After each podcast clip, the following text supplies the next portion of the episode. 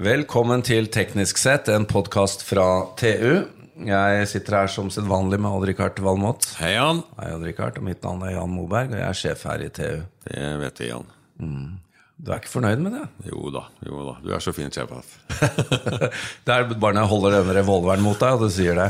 Ja, men Du, Odd-Rikard, i dag skal vi eh, snakke om, eh, om noe som i hvert fall har vært på, eh, blant jeg, si, jeg tror det er blant på topp håndfull. Ja, Blant i veldig, de, veldig mange år. Ja, blant de 637 favorittområdene dine. så er det her innafor uh, Innafor håndfullen, sånn over Ja, tid. jeg vil si innafor topp tre. Innenfor, ja, såpass, ja. Ja, absolutt.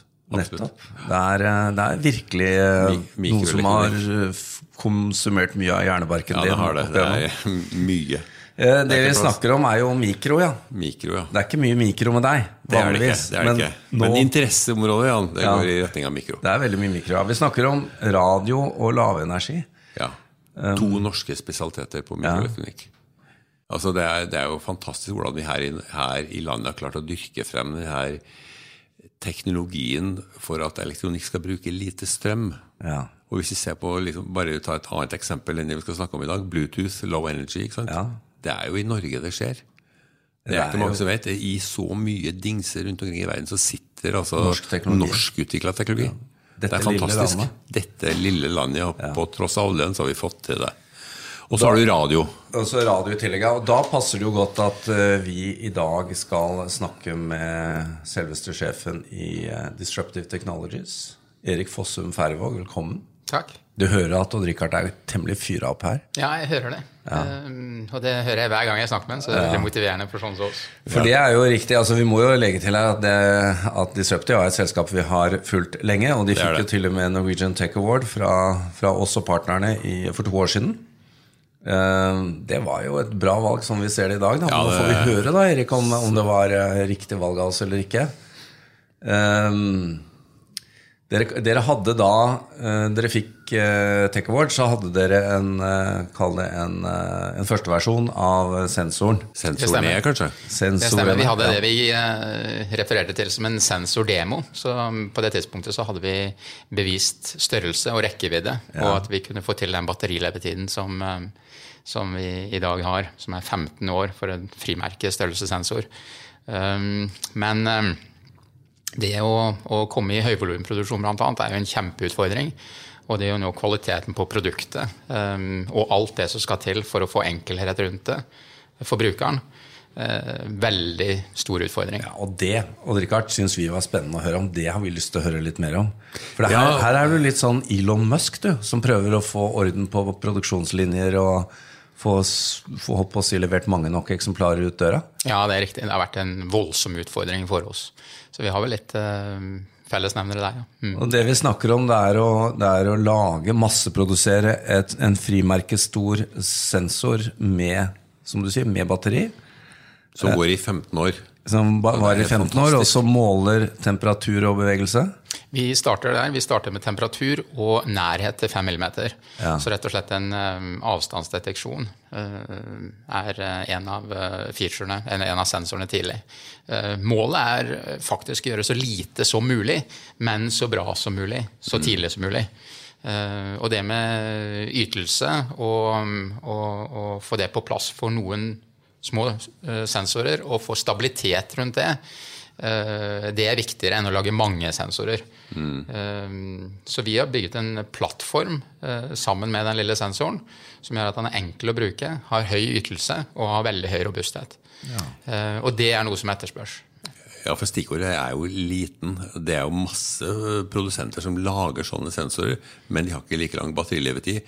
De er kjempestore i forhold til det her. I hvert fall tennisballstørrelse. Ja, og de koster mer, ikke sant? Og det å lage noe som er så knøtta lite, som er helt nytt Og som ikke minst har så lang batterilevetid, batterilevetid. ja, det er jo en produksjonsutfordring Som en eh, kanskje vi har Men- Det er riktig. Erik, da må du nesten fortelle oss litt om det dere har vært igjennom. Fordi at eh, Da jeg først så produktet, så tenkte jeg jo ok, dette er jo som eh, skapt for masseproduksjon. Dette kan jo ikke være vanskelig. Men der tok jeg grundig feil. Jo, men da tok du samme feilen som vi gjorde i begynnelsen. Ja, få høre. Eh, Fordi vi hadde tenkt dette produktet også som skapt for masseproduksjon, sånn som det var definert. Ja. Eh, og jobbet sammen med en av de store globale produsentene. Um, skal ikke nevne navn, men en av de tre store. Um, og, og uh, det viste seg at de greide ikke å få det til på den måten som vi ønsket.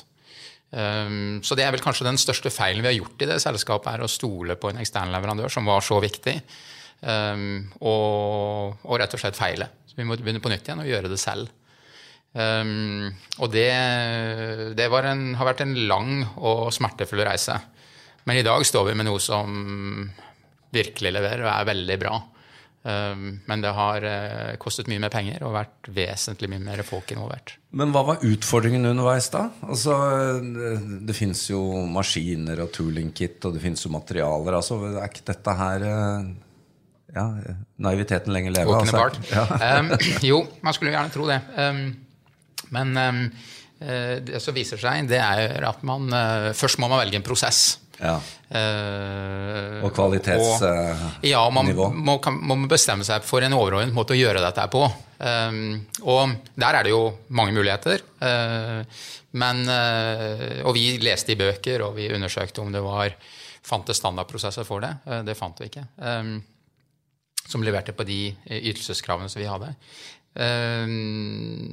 Vi tenkte at kanskje vi hadde noe å lære av pilleproduksjon. Så vi hentet noen ja. elementer derfra. Eh, og, én en av de tingene som er med pilleproduksjon, er at de former plast. Eh, og så støper man i det. Eh, det er mange grunner til at vi valgte det. Men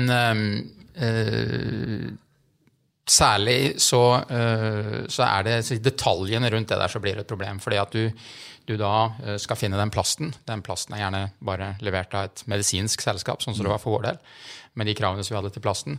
Eh, det medisinske selskapet ville ikke selge til oss i begynnelsen, så det var mye forhandling for å få de til å selge til Enda oss. Enda dere ikke var konkurrerende? Enda vi ikke var konkurrerende. De solgte ikke til sånne selskaper som oss. Dette var for medisinsk bruk. Så vi um, fant en leverandør i Italia som var villig til å selge til oss, og min memory quantity da var to tonn. Um, var på rull. Um, som da måtte skippes fra Dette var bare for prototyping enda. som måtte skippes da fra Italia for å bli kappet et annet sted.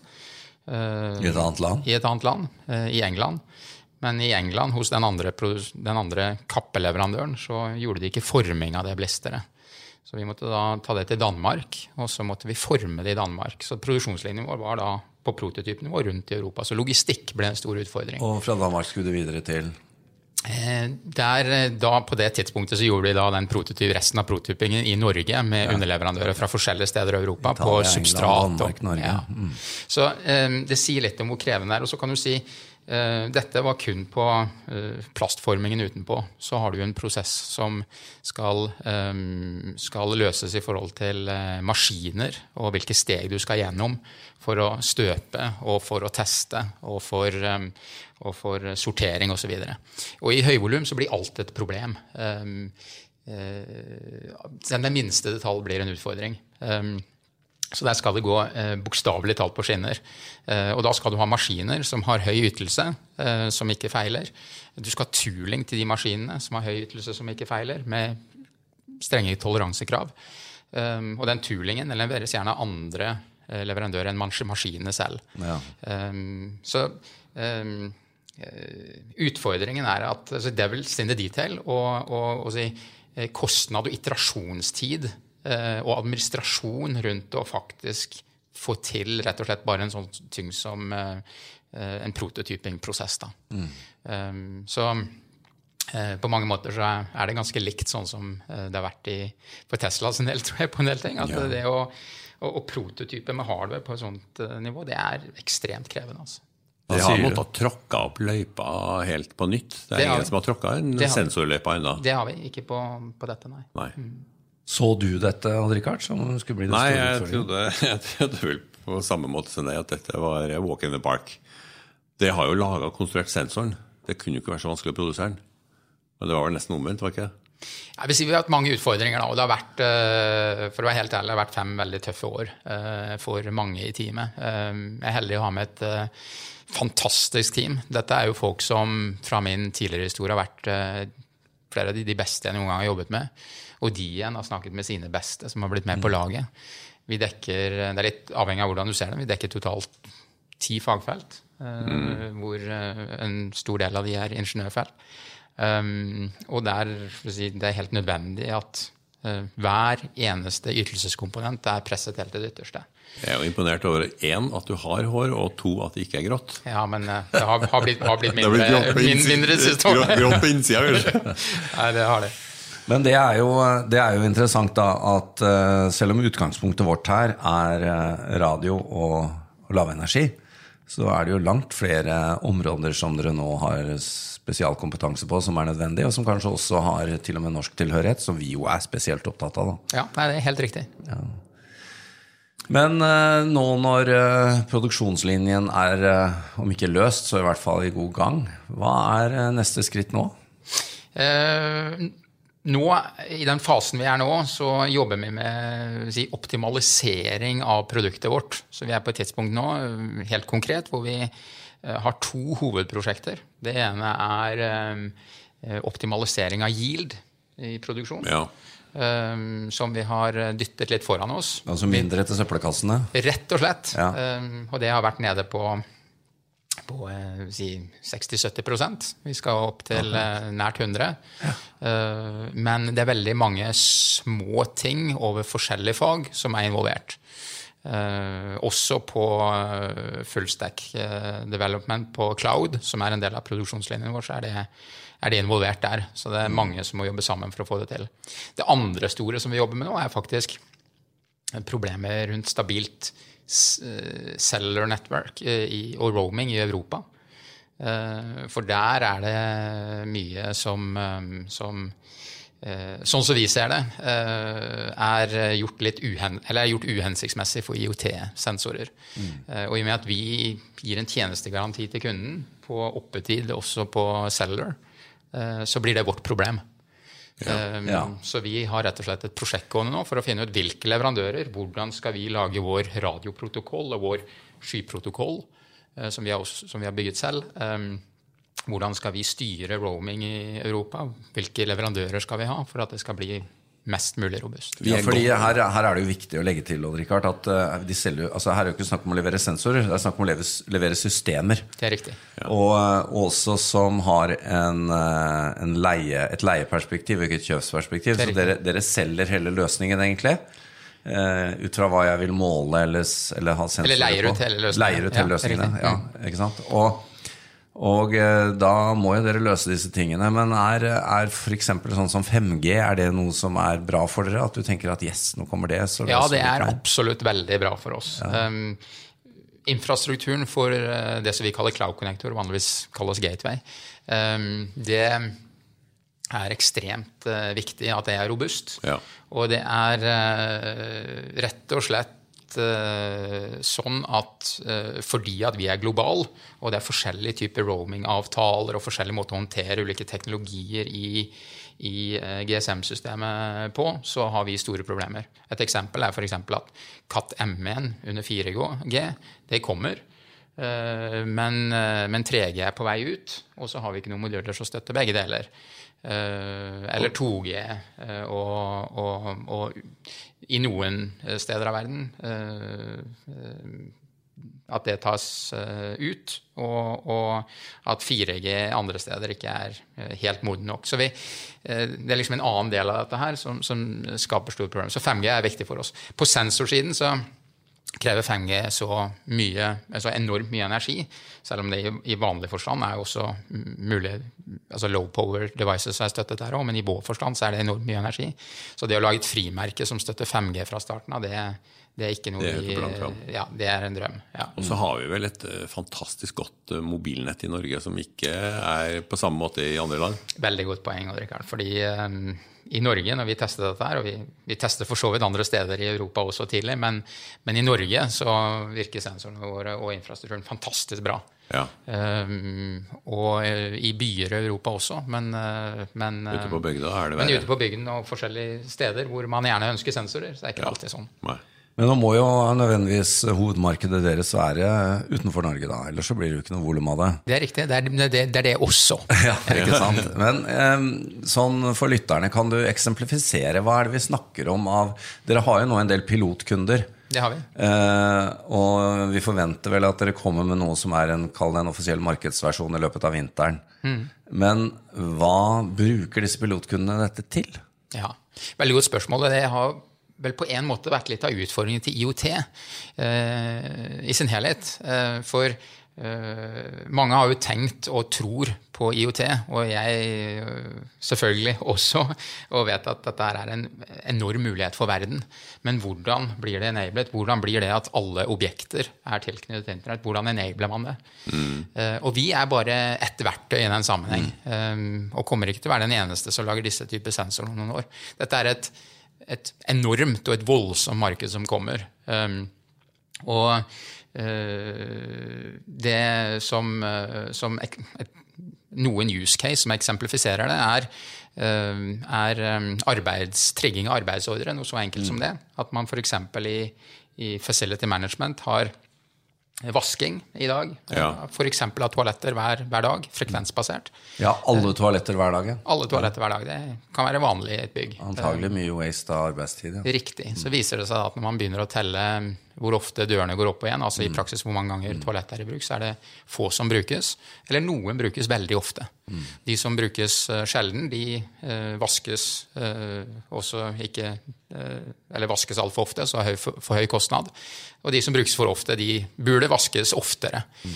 Sånn at pris-kvalitet-forholdet, det er ikke noe match der. Nei, nei.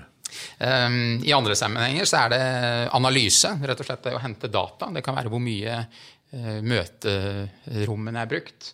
Eh, det kan være, mm, det kan være i, i utility-sammenheng hvor mye strøm som går i kabler, og hvilken varmgang det er, for også å gjøre forbedringer. Temperatur. Ja, prosessforbedringer. Ja. Um, man setter dette på dørene til T-banen og NSB, da, Richard, så ja, ser du mye av det samme. Det vil jeg tro. Du kan, du kan plassere det på nesten i hver dør. Ja.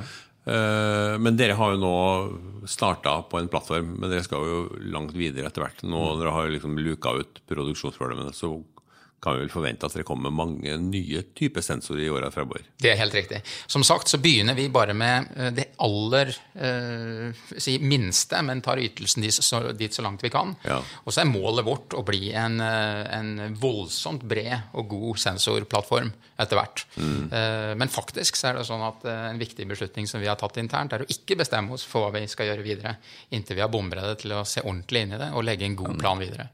Vi må gå inn for landing. Eh, Erik Fossum Færvåg, eh, takk for at du kom innom. Eh, kan du lage meg en sensor så jeg kan holde orden på hvor Odd-Rikard er? tror du? Det skal vi selvfølgelig ordne. Det er litt vanskelig med han, men Det blir, eh, det blir mange sensorer. ja.